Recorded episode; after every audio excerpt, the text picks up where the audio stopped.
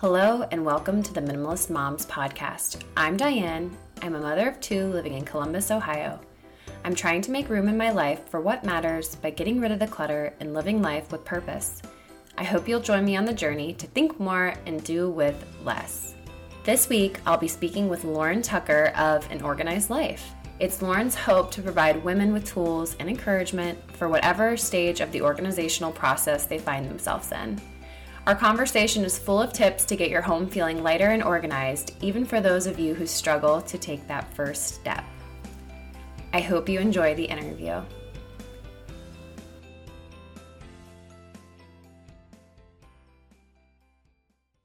Hi, Lauren. How are you doing today? I'm great. How are you doing? I'm doing well. I just introduced you to the listeners. I gave them a brief overview of who you are, but I wanted to give you the chance to tell everyone a bit more about yourself and what it is that you do. Well, thank you so much for having me. For one, uh, my name is Lauren, and I am an organized life, and uh, I am a blogger, and I, I talk about how to organize different aspects of your home and your life. My primary place to hang out is on Instagram, where I've got a lot of friends, and yeah, I, I you know answer questions and help where I can. But that's basically what I do. Yeah, I really enjoy seeing all the questions you answer in your Instagram stories. Not that you don't do that in your feed as well, but you regularly do question and answers on there, and I personally have found it really helpful. I really try to. I know I get I get quite a few. It, it's grown obviously over the last couple of years, but I get around I'm going to say probably 50 to 100 messages a day, mm-hmm. and they're usually all questions. So when I do, uh, I like student ask me anything, so I can try to like answer like big numbers of questions at the same time, and then people don't have to email in. But I do find it fun to to answer as many as I can. Yeah, absolutely. And I just feel like you always have so much information there in the story. So if you guys aren't following her, I highly recommend doing so. So, to segue into my first question, I always ask guests on the show if they would consider themselves minimalist. It's a solid question. Um, I would I would say yes, I do consider myself and my family minimalist. Um, for us, I think that the term minimalism changes to whoever you're talking to. So I think it's a very personal definition. Um, if you're a true, like, you know, quotation marks, true minimalism, which was you started many moons ago, and there was a, you know, certain number of things you were allowed to have in the home, and anything beyond that would be considered unminimalist. I think that terminology has really changed into really accepting different forms of minimalism to each person. So I think for us in this state and in this stage of life, we are definitely minimalist. So, as a minimalist, how did you become passionate about organization? What inspired you to start the organized life and walk down this minimalist path? Um, I think um, my re- I think I've already always been pretty passionate about home, organization and minimalism um, since I was a kid. Probably uh, when I hit 16, 17, I found blogs and the internet was you know became available to everyone and i was able to look at blog posts about minimalism and, and simple living and organization and then of course back in the day we had tv shows so we had you know old school martha stewart living mm-hmm. and like if you're canadian debbie travis painted house um, trading spaces these were all tv shows i kind of binge watched when i could with my mom. So i really got a passion for that kind of living back in the day and then it just kind of followed me throughout my life.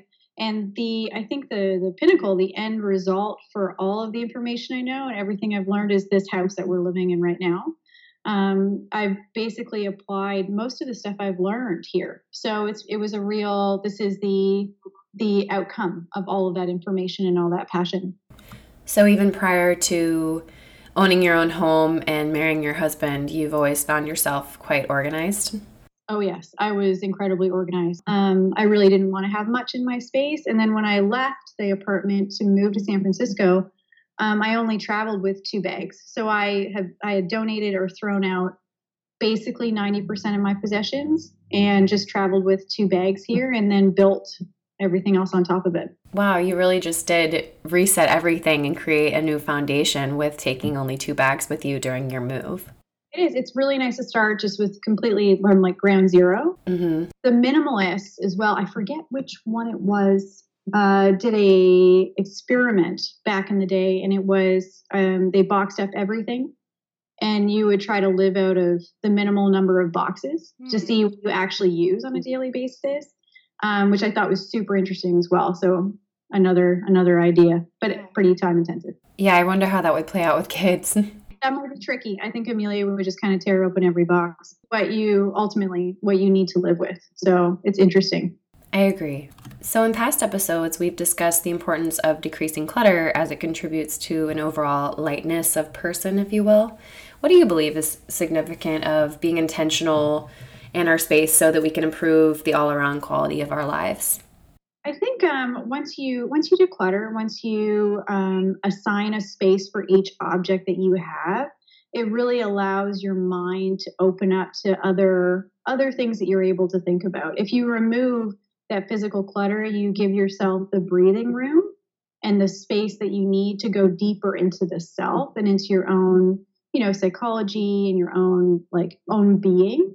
Um, you know, that could be spiritual, that could be, uh, you know, meditation. It could be so many different things, but it really allows you to, to like pretty much dive deep into who you are.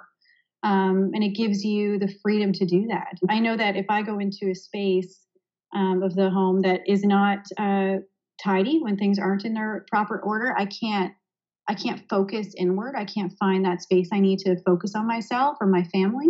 Mm-hmm. so i just i think it really does allow you space to to uh, explore explore deeper into what makes you innately you.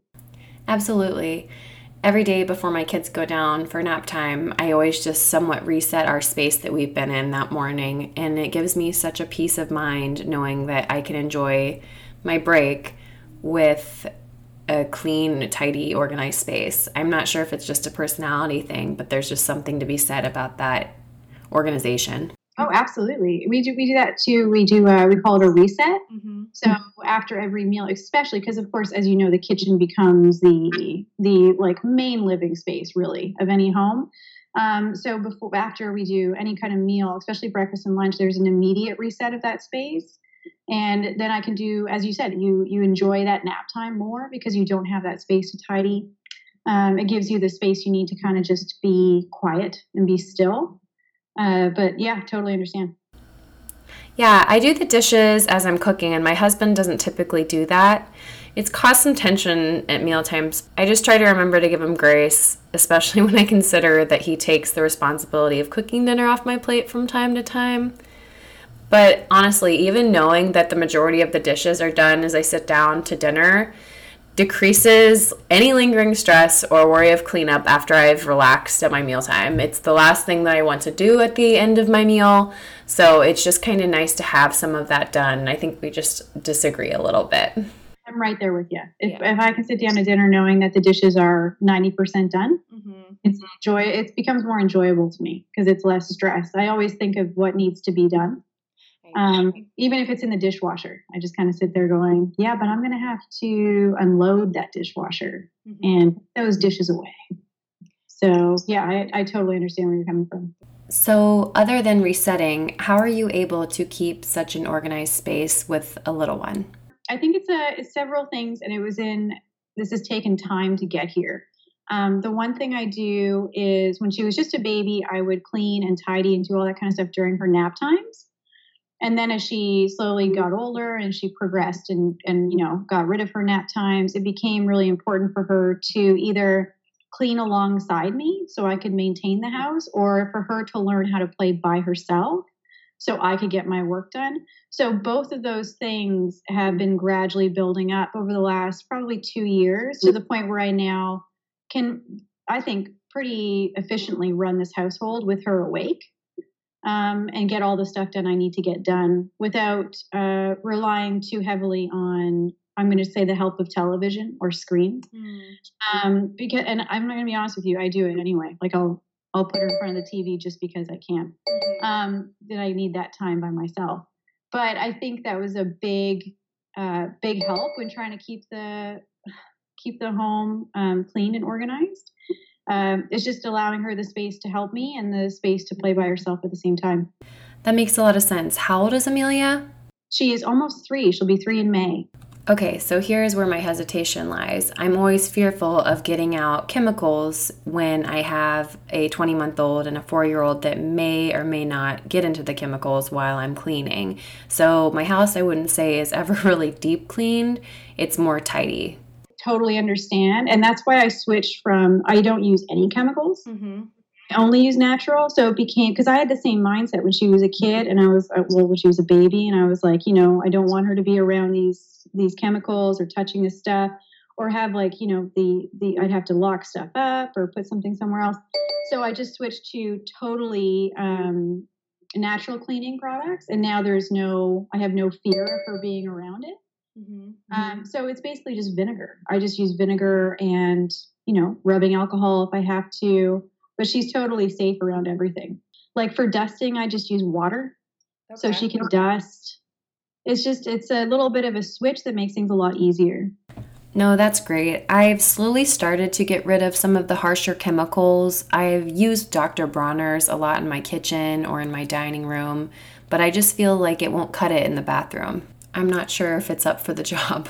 Yes, it will. It will do the job. Okay. The most powerful, just on a side topic, the most powerful cleaner I have found is half vinegar, like white distilled vinegar, and half uh, Sal Suds by Dr. Bronner. Oh. Mix those two together, man, and you spray that on tile.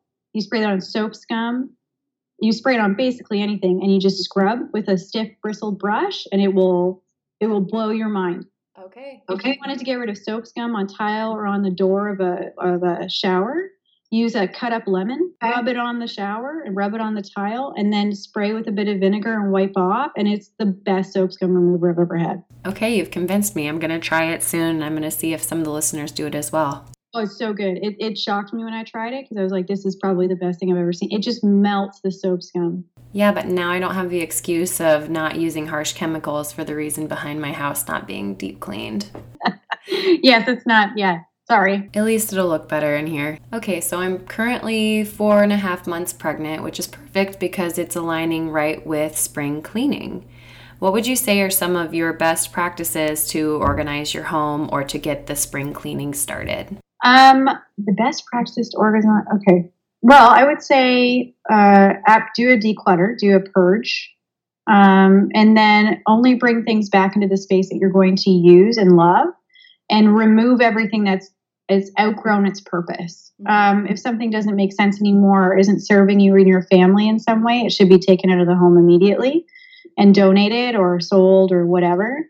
Uh, and then once everything has been purged and decluttered and get and has been removed completely, then find a spot for everything that you own. And it sounds a bit daunting to be like you need to find a spot for your paper clips but you need to find a spot for your paper clips hmm. because everything has to have its own space because as soon as something is out of that space or is not in its proper home that's what causes the clutter so it could be anything if you're in the nesting stage of, of you know motherhood and you and you're doing that kind of stuff i would um, i would recommend like figuring out exactly where you're going to keep diapers and bottles and all that kind of jazz before they arrive um, that's what I did, and I found that really helpful. Mm-hmm. But yeah, those are. And then as soon as uh, when you use something, putting getting in the habit of putting that thing back where it belongs is a huge, a huge part of living this kind of decluttered life. Is there any room that you would initially begin with? Oh my gosh, no. I would start with whatever is right in front of you right now. I get question a lot where it's like, where do you start? And I'm like, put the put whatever you're on, what device you're on down and look up and wherever you are right now, do that space. Mm. You just need to, it's the process of starting. People get a little bit um, scared of where to start. And honestly, just start where you are and then just work your way around. If you want like a real plan and you want me to tell you where to start because you're completely stuck, I would start with the smallest space and work work your way out. So if that's a bathroom, to start with organizing and decluttering and doing that bathroom, and then just slowly spiraling outside the home. Also, this doesn't have to happen within the next week people think that you need to do like a big declutter, which is totally fine. I love KonMari or Marie Kondo. I think she's fantastic, but you don't have to do that. You can take your time and you can work through it at your pace. You don't need to do it's not a marathon. There's no, we're not racing. No one's racing.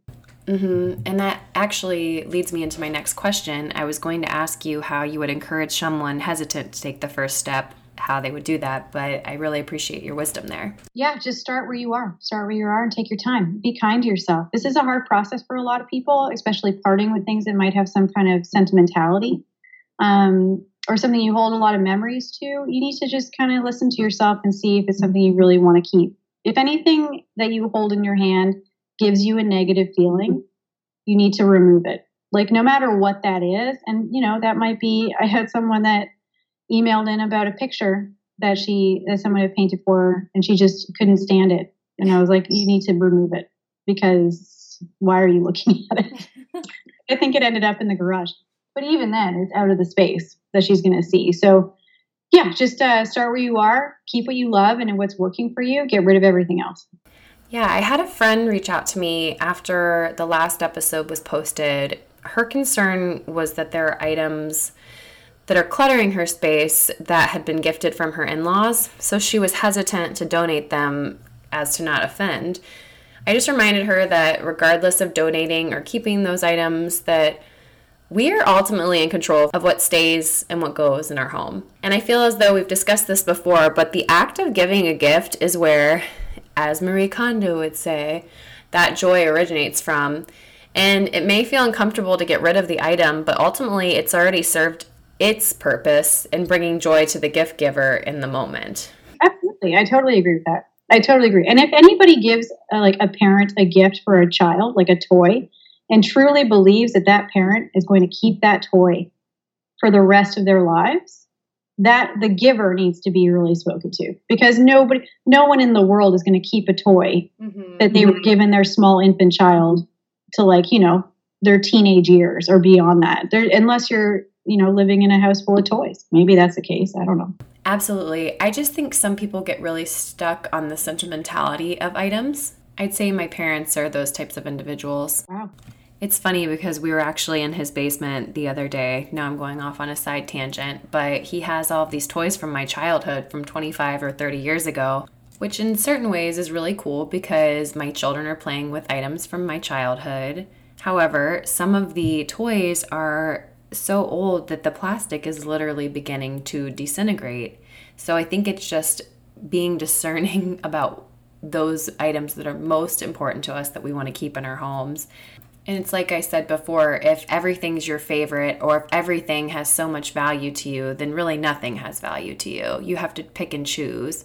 And I don't want to paint the picture of them as if they're hoarders. They just need to pick and choose, as I said. And you know what? I have to say, I think my parents are the same. Mm-hmm. Um, their primary uh, thing they hold on to is books. They do have a lot of like, they have some toys from my childhood as well as my brother. And I'm wondering if it's maybe a generational uh, thing. I, I think guess. maybe it's older generations. I'm probably we're probably around the same age, but the older generations of our parents are more likely to hang on to things in case, just in case they need them, as opposed to our generation, which is more of a I don't want to say throwaway culture, but we're more likely to throw away because we like we want to get the next shiny thing. Mm-hmm. So mm-hmm. I think there's a there's a generational gap as well. But I think if you combine the two, that's where you that's where you're cooking because then you only keep what you love and what is serving you and then you get rid of everything else. I believe I heard at one point that our parents' parents lived during the Great Depression and therefore they saved everything. You didn't throw anything away just in case you might need it because there was uncertainty there. Exactly. So I definitely say there's a giant shift in mindset since that time.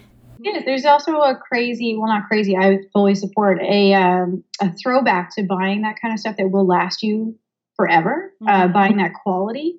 Um, like I know for us, uh, like I'm not talking about toys anymore, but I'm thinking more like, you know, furniture, like things that things that will hold their value that you want to hold on to and is not so throwaway. Mm-hmm. uh, is like that kind of throwback to the depression era where you want to you know it's all about sustainability growing all that kind of stuff. Everything kind of gets mixed in together there. Yeah it definitely seems to be circling back around to where they're pairing some of that wisdom with a sustainable mentality. It's going to be super fun to see what happens in the next 10 years. I agree yeah, it'll be really interesting. I think minimalism is really kicked off. Minimalism, decluttering.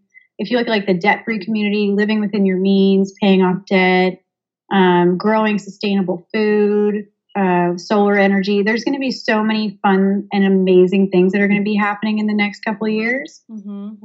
It's going to be an amazing, if we can be part of that in some way, it's going to be incredible. Yeah, I love to see it happening. Mm-hmm. So I realized that we didn't talk about this prior to the podcast, but I know another thing you like to speak to is frugality. And I believe somewhere on your Instagram I read that you became debt free, correct? We are debt free except for our mortgage. Okay, yeah. I mean, that's wonderful. Do you have any quick tips that you can share with people that are struggling financially or that just want to get their budget a little bit more organized? Yes. The the main part of organizing for finances is budgeting. Uh, the very first thing you need to do is write down a budget and write down a realistic budget. Um, are so many resources that I could point you towards. Dave Ramsey is is huge. Um, if you're in Canada, and even if you're not, the one that I learned budgeting from is Gail Vaz Oxlade, uh, and she's got her like online stuff is still available. I think um, there are so many people on Instagram that are amazing. You could check out, uh, go to the, like follow the hashtag debt free community, and you'll find the find the players there that have the budgeting spreadsheets and all that kind of jazz. But honestly, if you want to start, just sit down with a piece of paper, write down your expenses, write down how much you make a month, and just see where see where your money's going. Mm-hmm. Um, that's the very first step. There and there's so many ways to do it. Um, I honestly feel like after my husband and I got married four years ago. Okay. And I okay. I feel like right as of now that we have figured out a really good system for budgeting and for tracking spending and all that kind of jazz. And it's taken us four years to get here. Yeah, I was gonna say sometimes it's the most difficult to get your spouse on board. Sure, for sure. And it was um, it was just experimenting with different ways of budgeting, learning the software that we use. We use Mint so it's it's a process but just dive into it. Dive into it with a budget simply and then just start learning more. Just uh, dip your toe in slowly or dive in whichever way you want to do it.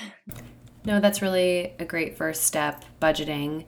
I feel like i actually want to have you back at some point to discuss frugality and ultimately the steps that you took that allowed you to be debt free but for now if listeners want to find out more about you where can they find you so I'm on Instagram at an underscore organize underscore life.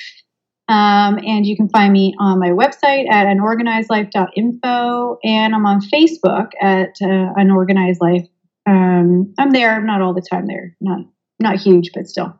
Um, and yeah, so any any questions or comments, just send me a DM and I'll get back to you as soon as I can. Well, it was a pleasure talking with you today, and I so appreciate you being here. Thank you so much for having me. It's been so much fun. All right, guys, what did you think? Are you ready to start spring cleaning? Do you have a few more practical ways to begin? I know I personally am going to start using the vinegar and lemon cleaner she mentioned. Let me know if you end up doing that, and I want to know your thoughts. I invite you to keep the conversation going by visiting minimalistmomspodcast.com. There, you'll find the links to the Facebook page, Instagram account, and where you can find me all around the web. Thank you for joining up on this journey. I wish you a lovely week as you think more and do with less.